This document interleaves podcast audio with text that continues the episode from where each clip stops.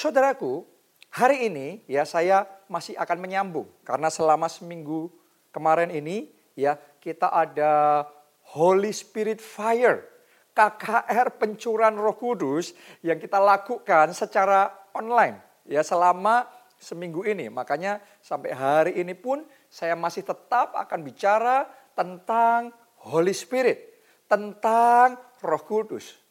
Tentunya saudara yang mengikuti ibadah online kita ini dari minggu ke minggu Anda tahu tema kita, tema khotbah kita bulan ini adalah building resilience atau membangun ketahanan. Oke, kita sudah belajar tentang membangun ketahanan iman kita.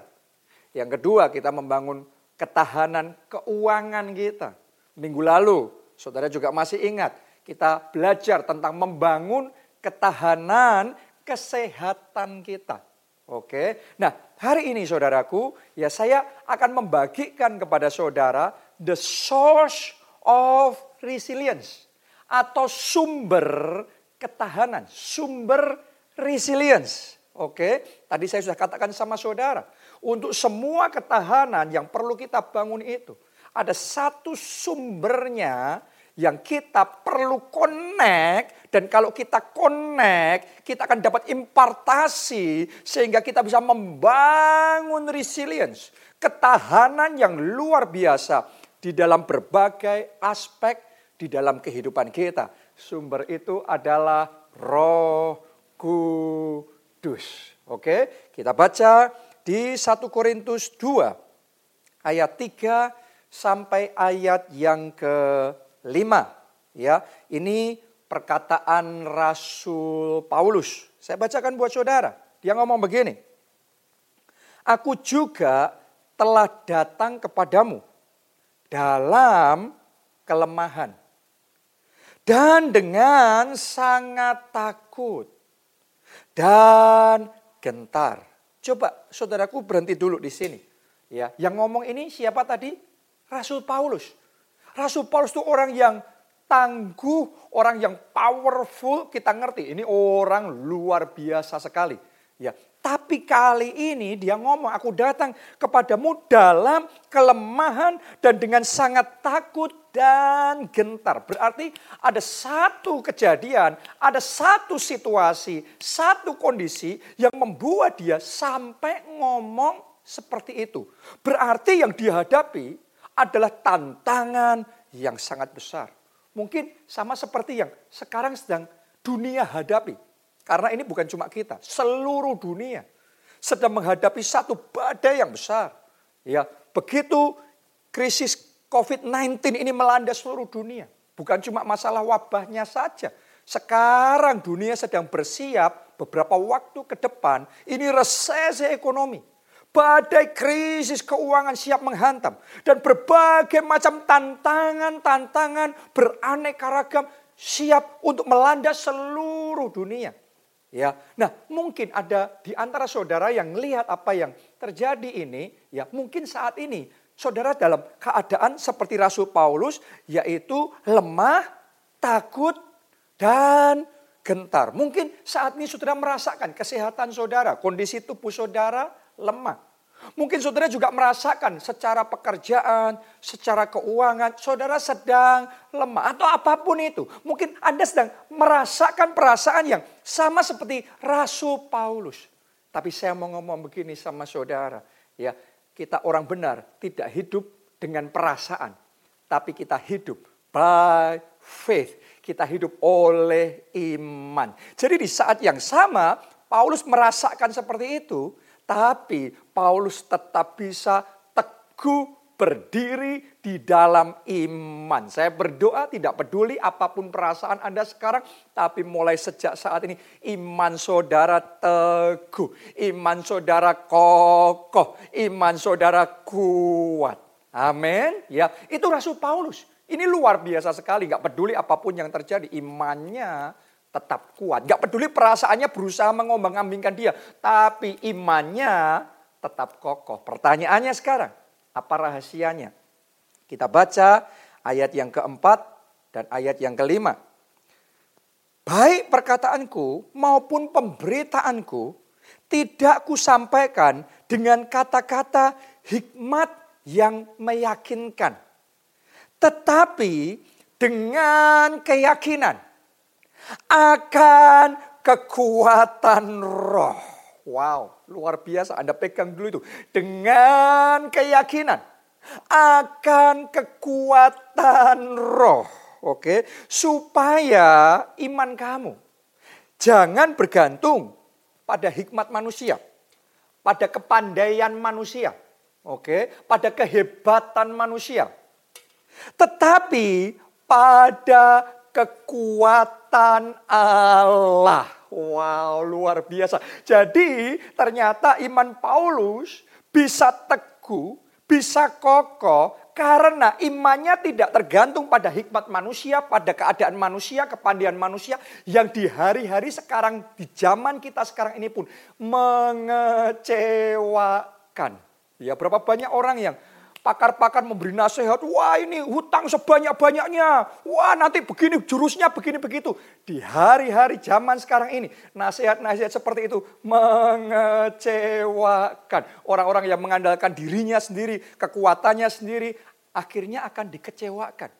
Oke, bahkan saat ini untuk mengatasi situasi seperti ini pun semua teknologi, semua kemajuan manusia, semua kehebatan medis ternyata sekarang kita sadar manusia itu terbatas. Jadi kalau iman kita, kita tergantungnya sama hikmat manusia, akhirnya kita akan dikecewakan. Tapi hari ini saya ajak saudara belajar dari Rasul Paulus. Imannya tidak tergantung sama kekuatan manusia. Imannya tergantung pada kuasa Allah. Pada kekuatan kekuatan roh. Dia punya keyakinan akan kekuatan roh. Oke, karena itu Rasul Paulus dengan mantap dia berkata, "Aku cakap menanggung segala perkara di dalam Dia yang memberi kekuatan kepadaku. Anda yang sedang lemah, ada yang sedang takut, ada yang sedang gentar. Saat ini bangun kembali iman saudara dengan keyakinan bukan pada hikmat manusia, tapi pada kekuatan roh. Dan hari ini terima kekuatan roh itu. Terima kuasa roh kudus. Karena kuasa roh kudus tidak terbatas. Kekuatan roh tidak terbatas. Memang besar badai yang sedang menghantam dunia ini. Hebat kegelapan yang sedang menyelimuti bangsa-bangsa ini. Tapi saya mau katakan, kekuatan roh kudus tidak terbatas. Kalau saudara tergantung imannya pada kekuatan roh, tidak peduli apa pun yang terjadi, Anda bisa tetap teguh, Anda bisa tetap kuat, Anda bisa terus bertahan, bahkan melewati semua badai krisis ini, Anda bisa menang. Bahkan saudara jadi pemenang, lebih dari pemenang. Haleluya. Tuhan kita luar biasa. Oke, itu rahasia Paulus. Mari kita lihat ya, kisah 22, kisah para rasul 20 ayat 22 sampai 24. Ya, saya bacakan. Ini perkataan Paulus juga.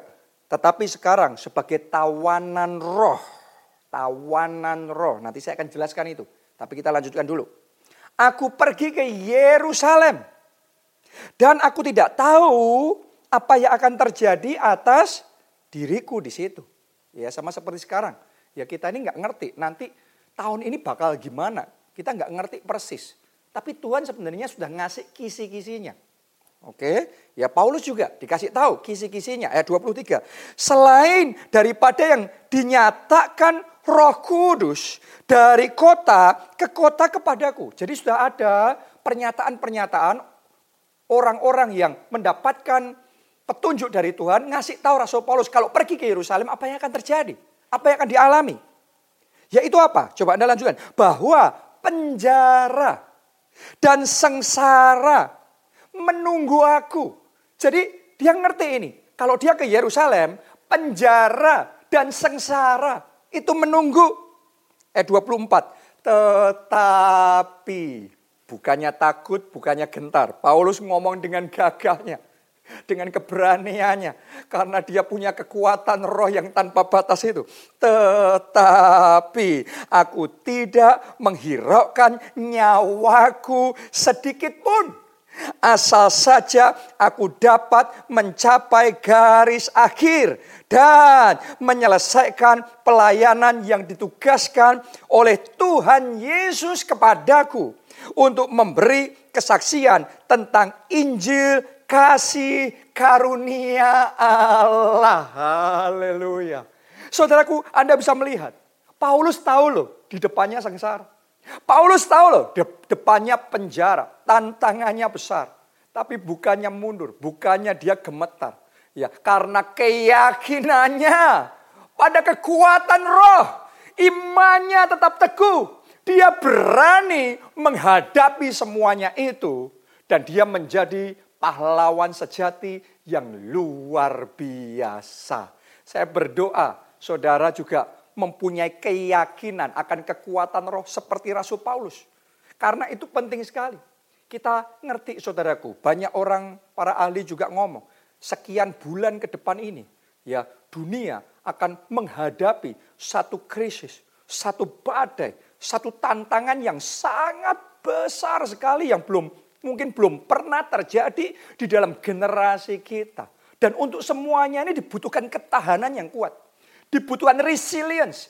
Kita juga ngerti itu karena itu di sepanjang bulan ini khotbah di gereja kita mempersiapkan jemaat untuk membangun ketahanan tapi saya mau ngomong begini sama saudara. Hari ini khotbah penting sekali. Hari ini firman Tuhan penting sekali. Pastikan sementara engkau membangun ketahanan iman. Ketahanan kesehatan ketahanan keuangan. Minggu depan kita belajar ketahanan keluarga juga. Pastikan satu hal yang pasti, Roh Kudus jadi sumber ketahanan dalam hidup saudara. Roh Kudus jadi sumber di mana iman saudara tergantung kepadanya. Kalau iman saudara tergantung pada kekuatan roh yang tidak terbatas.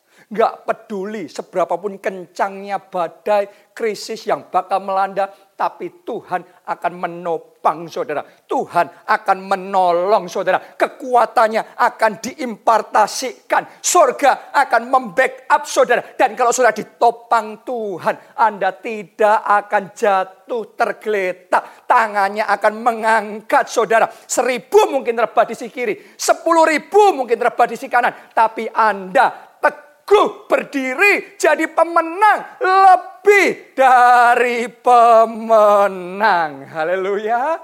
Haleluya. Itu dahsyatnya kekuatan roh. Makanya Rasul Paulus ngomong. Sampai dia ngomong begini, aku ini tawanan roh.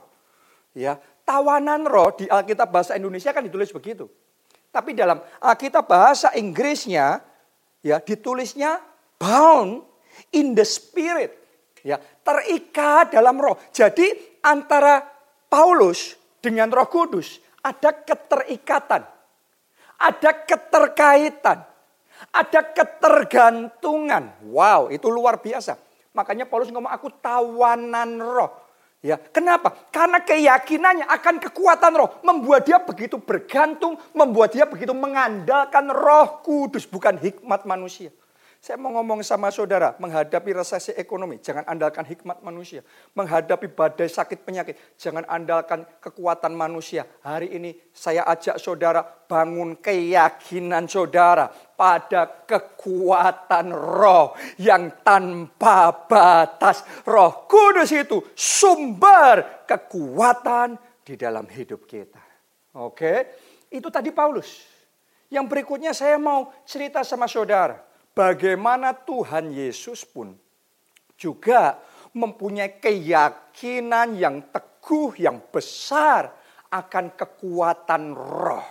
Sampai-sampai dia ngomong sama murid-muridnya, aku harus pergi, aku harus naik ke surga. Karena kalau aku nggak naik ke surga, penghibur itu, roh itu tidak akan datang kepadamu. Jadi lebih berguna bagimu aku naik ke surga sehingga Roh Kudus datang kepadamu. Kenapa? Karena Yesus yakin akan kekuatan roh. Hanya kalau Roh Kudus turun atas mereka, maka mereka akan punya kekuatan. Mereka bangkit di dalam kekuatan yang luar biasa. Kenapa itu penting? Kita baca dulu. Di dalam 2 Timotius 1 ayatnya yang ke-7. Sebab Allah memberikan kepada kita bukan roh ketakutan. Melainkan roh yang membangkitkan kekuatan, kasih, dan ketertiban. Jadi roh kudus saudaraku, satu hal yang dia kerjakan ketika dia datang atas hidup kita. Dia akan membangkitkan kekuatan. Wow, ini luar biasa sekali. Ini yang dialami oleh murid-murid Yesus. Saudara masih ingat ya, ketika Tuhan Yesus ditangkap kemudian disalibkan dan setelah itu mati di kayu salib, ya iman murid-muridnya tergoncang. Mereka di dalam ketakutan dan kegentaran seperti Paulus yang tadi kita baca ya. Mereka dalam kondisi takut dan gentar. Ya, mereka dalam kondisi yang sangat lemah sekali. Tapi yang luar biasa, ketika hari Pentakosta tiba, ya, itu yang saya percaya selama seminggu ini, bahkan minggu depan kita peringati hari Pentakosta. Nah itu game changernya di situ. Murid-murid Yesus kumpul dan ketika murid-murid Yesus kumpul sedang berdoa di loteng atas di Yerusalem itu, maka seperti yang sudah dijanjikan Tuhan Yesus, Roh Kudus turun atas mereka. Dan ketika roh kudus turun, roh itu membangkitkan kekuatan. Membangkitkan power. Membangkitkan ketahanan. Membangkitkan resilience. Itu yang dialami murid-murid Yesus. Begitu kekuatan itu bangkit. Petrus dan murid-murid yang tadinya sudah gemetar, panik dan takut. Tiba-tiba bangkit menyala-nyala Petrus khotbah sekali khotbah hari itu juga 3000 jiwa bertobat dan memberikan dirinya untuk dibaptis. Sejak saat itu mujizat-mujizat tanda-tanda ajaib terjadi. Gereja mula-mula mengalami banjir mujizat. Sejak saat itu Injil diberitakan dari Yerusalem, Yudea, Samaria sampai ujung bumi. Kenapa kok bisa berubah seperti itu? Karena Roh Kudus datang dan membangkitkan kekuatan. Jadi saat ini di mana pun Anda berada, saya berdoa roh kudus datang kepada saudara. Roh kudus jamah saudara. Dan roh kudus membangkitkan kekuatan saudara. Saudara coba renungkan. Murid-murid Yesus begitu terima kekuatan yang baru dari roh kudus itu. Mereka tadinya sudah lemah. Mereka tadinya tuh kegeraannya tuh sudah hampir punah. Sudah tercerai berai. Tapi yang hampir punah bangkit, mengalami kegerakan besar karena terima kekuatan roh itu. Hari ini saya mau ngomong, kalau pekerjaanmu hampir punah, masa depanmu hampir punah, ya ekonomimu, keuanganmu hampir punah, pengharapanmu hampir punah karena goncangan begitu besar. Hari ini terima Roh Kudus. Hari ini terima roh kudus. Biar roh kudus turun atas saudara. Ketika Anda terima roh kudus, mulai hari kekuatan baru diimpartasikan. Kuasa Allah diimpartasikan. Pengurapan diimpartasikan pada saudara. Haleluya. Hari ini sadari. Roh Kudus itu sumber resilience di dalam hidup kita. Ya, mungkin saudara tanya sama saya, Pak, saya mau. Saya mau terima kekuatan roh yang seperti itu. Seperti yang diterima oleh Rasul Paulus. Seperti yang diterima murid-murid Yesus. Gimana caranya kita juga bisa terima kekuatan roh yang tanpa batas itu. Sehingga menghadapi badai apa pun yang di bulan-bulan berikutnya ini mungkin terjadi melanda seluruh dunia. Tapi kita tetap teguh, kita tetap kokoh, dan Tuhan menyertai kita, menjadikan kita pemenang. Ya, saya mau bagikan rahasia menerima kekuatan roh itu. Ya, ada tiga. Nomor satu, Anda mau terima kekuatan roh? Yang pertama, sederhana, mau dipakai jadi saksi Kristus. ya saudaraku, mau dipakai jadi saksi Kristus. Itu yang pertama. Karena kekuatan roh itu diberikan dengan tujuan supaya kita jadi saksi. Oke, kisah 1 ayat 8. Tetapi kamu akan menerima kuasa. Jadi kuasa itu kan diberi. Kekuatan itu akan diimpartasikan. Kekuatan roh itu akan Tuhan berikan kepada saudara. Kalau roh kudus turun ke atas kamu. Oke, hari ini roh kudus turun atas saudara. Dan ini tujuannya. Kamu akan menjadi saksiku. Di Yerusalem. Dan di seluruh Yudea. Dan Samaria. Dan sampai ke ujung bumi. Jadi alasan Tuhan memberikan kekuatan roh yang luar biasa pada Paulus. Supaya Paulus jadi saksi Kristus. Alasan Tuhan memberikan roh kudus dan kekuatan roh yang tanpa batas pada murid-muridnya supaya murid-muridnya bangkit jadi saksi di Yerusalem, Yudea, Samaria sampai ujung bumi. Artinya Tuhan mau mereka bangkit jadi saksi tanpa batas, bersaksi tanpa batas, melayani tanpa batas, memberitakan Injil tanpa batas, menyelamatkan jiwa-jiwa tanpa batas. Kalau saudara juga mau terima kekuatan roh seperti yang mereka alami itu, saya tantang saudara. Ambil komitmen, jadi saksi. Anda harus mengerti, ini tahunnya di mana kemuliaan Tuhan dinyatakan di tengah kegelapan dan kekelaman dunia ini. Ini tahunnya kemuliaan Tuhan dinyatakan. Jadi Tuhan cari orang-orang yang mau bangkit untuk jadi saksi. Orang-orang yang mau dipakai oleh Tuhan seperti itu akan diberi kekuatan roh yang tanpa batas dicurahkan kepada mereka. Doa saya saudara termasuk orangnya. Anda yang mau berkata Tuhan aku mau dipakai. Aku mau Tuhan pakai untuk jadi saksi. Aku mau memberitakan kabar baik bahwa di dalam Yesus ada jalan keluar. Di dalam Yesus ada pertolongan. Di dalam Yesus ada kesembuhan. Di dalam Yesus ada anugerah keselamatan. Saya ajak saudara, ambil komitmen. Ayo, jangan cuma mikirin diri kita sendiri. Kalau saudara cuma mikirin diri sendiri, Anda nggak mau dipakai sama Tuhan. Buat apa Tuhan mencurahkan kekuatan itu? Ya, kekuatan roh itu sangat berharga diberikan kepada mereka yang mau jadi saksi. Di zaman seperti sekarang ini, di mana kita diharuskan di rumah saja, ya secara jasmani kita terbatas. Tapi saat ini kita bisa bersaksi secara online. Saudara dan saya bisa memberitakan kabar baik secara online. Oke, kita bisa melayani secara online. Kita bisa mengajak teman kita, keluarga kita ikut ibadah online kita seperti ini secara online. Anda bisa lakukan itu. Bahkan saya ingin ajak saudara, saya tantang saudara, jadi KKS, jadi ketua kelompok sel secara online. Kalau Anda mau itu, saudara hubungi saya di JSM. Ya, saudara hubungi saya di Jonathan Sion Ministries di Facebook, di Instagram, di Twitter, di YouTube. Anda hubungi. Ya, nanti kita akan coba atur gimana caranya supaya saudara bisa dibantu sehingga Anda bisa bangkit jadi ketua kelompok sel online. Ya, tanpa batas. Anggota kelompok sel saudara bisa jadi dari kota di mana saudara berada, bisa jadi dari luar kota dari luar pulau, dari luar negeri, tanpa batas. Makanya memberitakan Injilnya ya dari Yerusalem, Yudea, Samaria, sampai ujung bumi. Tuhan panggil kita jadi terang bagi bangsa-bangsa. Kalau Anda mau dipakai Tuhan seperti itu, hari ini terima kekuatan roh yang tanpa batas itu. Diimpartasikan bagi saudara. Amin. Itu nomor satu. Nomor dua, gimana kita terima kekuatan roh itu?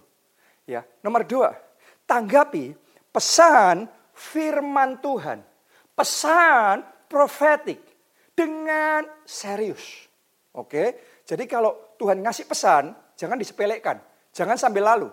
Ya, take it seriously. Saudara perlakukan dengan serius, tanggapi dengan serius. Saya baca dulu di 1 Korintus 15 ayat yang ke-6. Sesudah itu, ia menampakkan diri kepada lebih dari Berapa orang? 500 saudara sekaligus.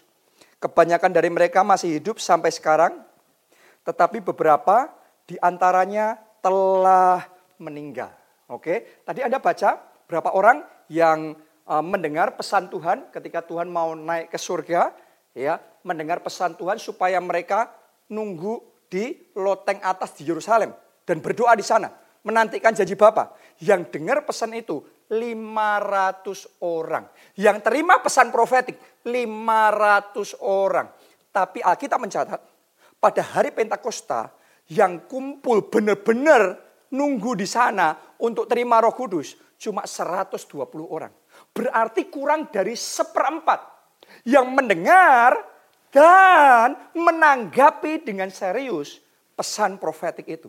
Tapi yang seperempat itu yang terima kekuatan roh Seperempat itu yang terima kepenuhan roh kudus. Seperempat itu yang dipakai oleh Tuhan untuk menggoncang bumi dengan Injil Yesus Kristus. Dengan kuasa Allah yang tanpa batas.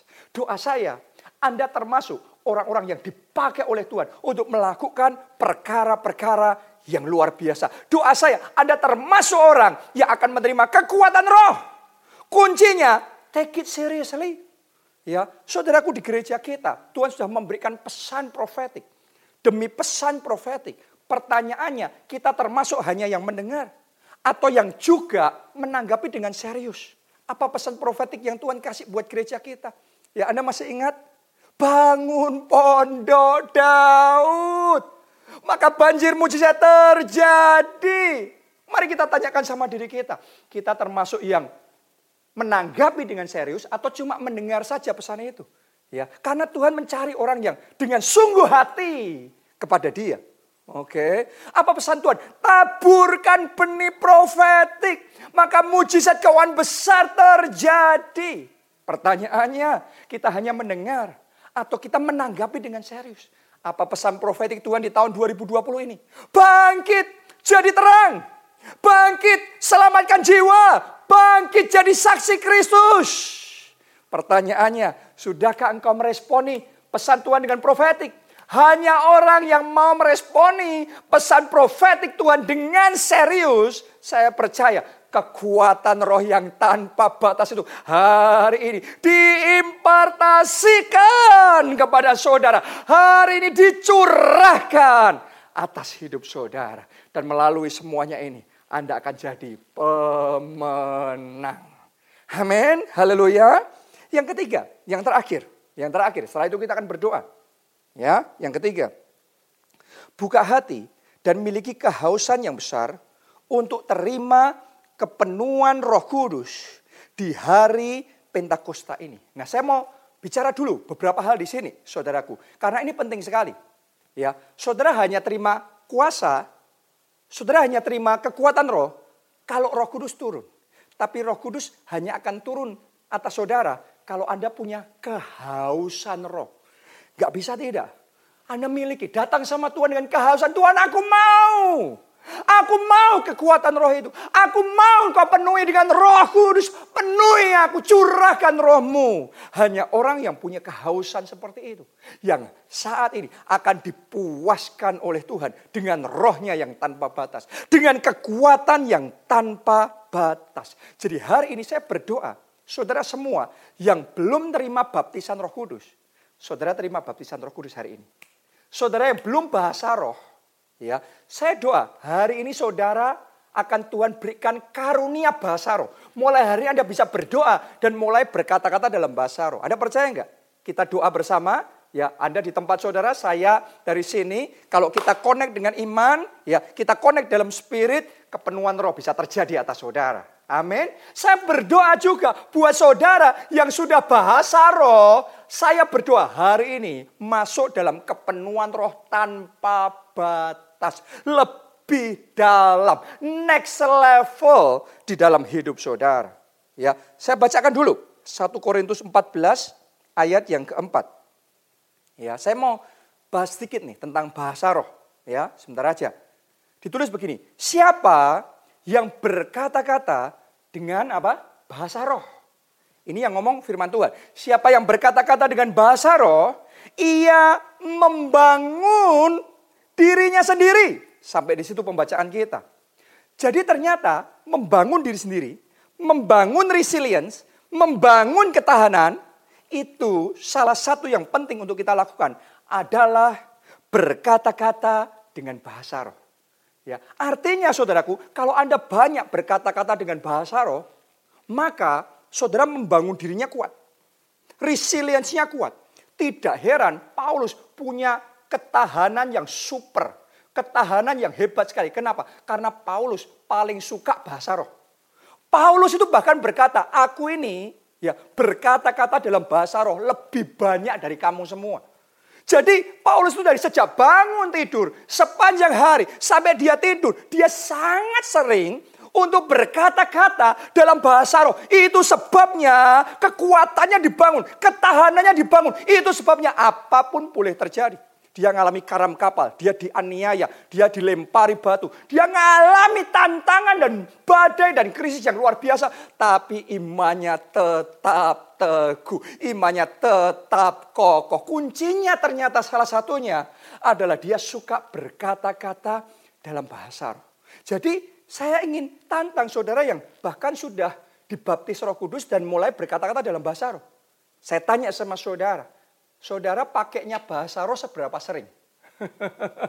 Ada orang yang sudah dibaptis roh kudus, tapi bahasa rohnya hanya seminggu sekali kalau pas ibadah di gereja. Biasanya gitu kan? Ya, tapi Paulus enggak.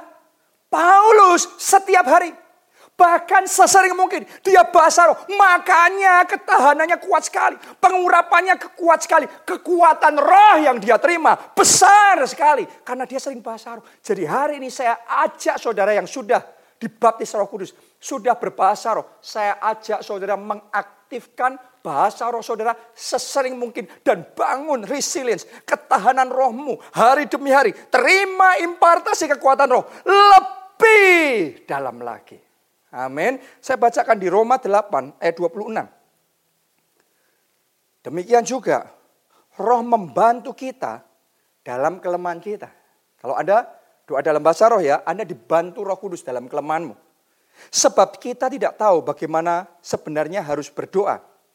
Tetapi roh sendiri berdoa untuk kita kepada Allah dengan keluhan-keluhan yang tidak terucapkan. Ternyata saudaraku, kalau kita bahasa roh, kita itu sedang partnership sama roh kudus.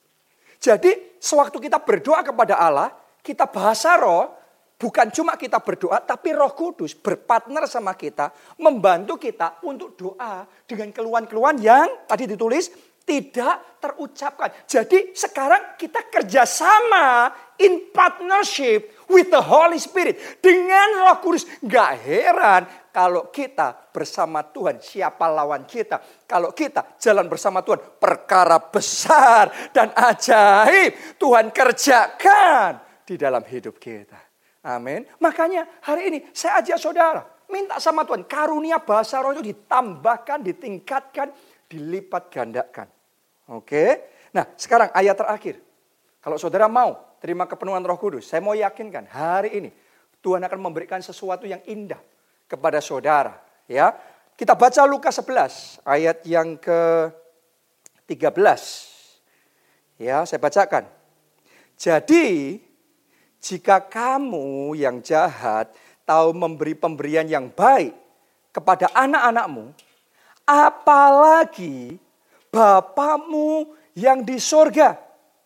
Ia akan memberikan roh kudus kepada mereka yang meminta kepadanya. Artinya kalau hari ini saudara mau minta roh kudus kepada Bapak di sorga. Yang Anda terima bukan roh yang lain. Yang Anda terima adalah roh kudus. Yang Anda terima, Anda akan dipenuhkan ditenggelamkan di dalam Roh Kudus. Anda akan dibaptis oleh Roh Kudus. Anda akan diberikan karunia berkata-kata dalam bahasa Roh. Oh, ini luar biasa. Ya, bahkan saudara yang sudah terima bahasa Roh hari ini Roh Kudus akan memenuhi saudara lebih dahsyat, lebih besar lebih luar biasa lagi. Karena itu, siapa di sini yang mau dibaptis Roh Kudus? Siapa di sini, saudara, yang mau dapat bahasa roh? Siapa di sini yang mau dibawa Tuhan masuk ke next level di dalam kepenuhan Roh Kudus dalam hidup saudara? Saat ini, angkat dua tangan. Saya mau berdoa buat saudara. Angkat dua tangan saudara. Oke, kita connect secara spirit. Anda ikuti doa saya. Kata-kata ini Anda ikuti. Katakan, Ya Roh Kudus, baptis aku. Baptis aku. Tenggelamkan aku Tenggelamkan dalam Roh Kudus.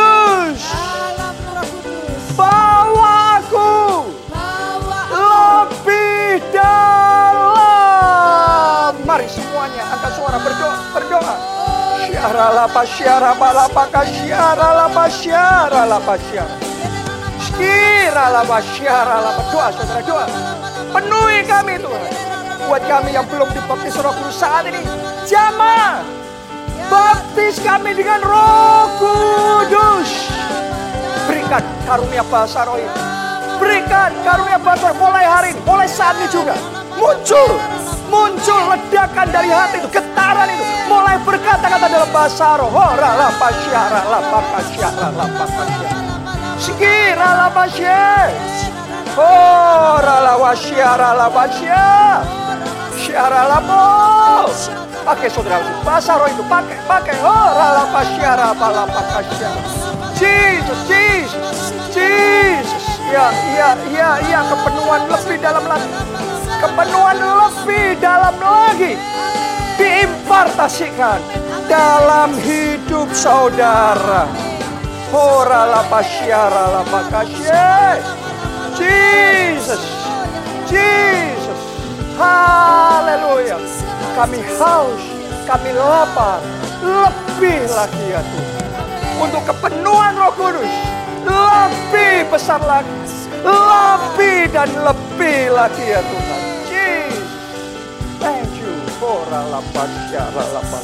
Yang kedua, saudara, yang kedua, saat ini saya mau berdoa supaya kekuatan Roh itu diimpartasikan sama saudara. Amin. Seperti Rasul Paulus, awalnya lemah, takut dan gentar. Tapi ketika terima kekuatan roh yang tidak terbatas itu, bangkit imannya. Ledakan iman terjadi. Dan ketika ledakan iman terjadi, revival Tuhan kerjakan. Wow. Murid-murid Yesus juga sama. Awalnya takut, awalnya gentar, lemah. Tapi ketika terima roh kudus, tiba-tiba ada kekuatan roh yang bangkit. Dan ketika kekuatan roh bangkit, kegelapan sirna diganti jadi terang kemuliaan Tuhan yang ajaib. Saat ini dunia sedang ada dalam kegelapan, dalam kekelaman. Saya mau katakan kalau ada satu kuasa yang sanggup membalik keadaan ini, Yes. namanya adalah Roh Kudus. Namanya adalah kekuatan roh. Jadi Anda yang mau terima kekuatan roh untuk membalik situasi itu. Angkat dua tangan, ikuti kata-kata saya. Katakan, ya roh kudus. Curahkan kekuatan roh yang tanpa batas untuk membalik keadaan. Mulai saat ini. Di dalam nama Tuhan Yesus, kegelapan berubah jadi terang kemuliaan Tuhan. Mari semuanya angkat suara berdoa, berdoa, berdoa. Oh, ralapakasya, ralapakasya. Skira lapasya, ralapasya, ralapasya. Oh, terima itu saudara. Terima impartasi kekuatan roh mengalir. Atas saudara terima kuasa roh kudus mengalir. Karena kekuatan roh itu yang akan membangkitkan kita. Hari ini kita bangkit dalam iman. Hari ini kita bangkit di dalam kuasa Allah. Dan kekuatan roh itu yang akan membalikkan keadaan. Saya berdoa di dalam nama Yesus. Sakit penyakit diubah. Terima kesembuhan terjadi atas saudara. Terima saat di dalam nama Yesus. Saya berdoa keterpurukan dalam keuangan, masalah di dalam pekerjaan diubah oleh kekuatan roh itu. jadi blessing, jadi berkat, jadi kelimpahan. Yesaya 60 tergenapi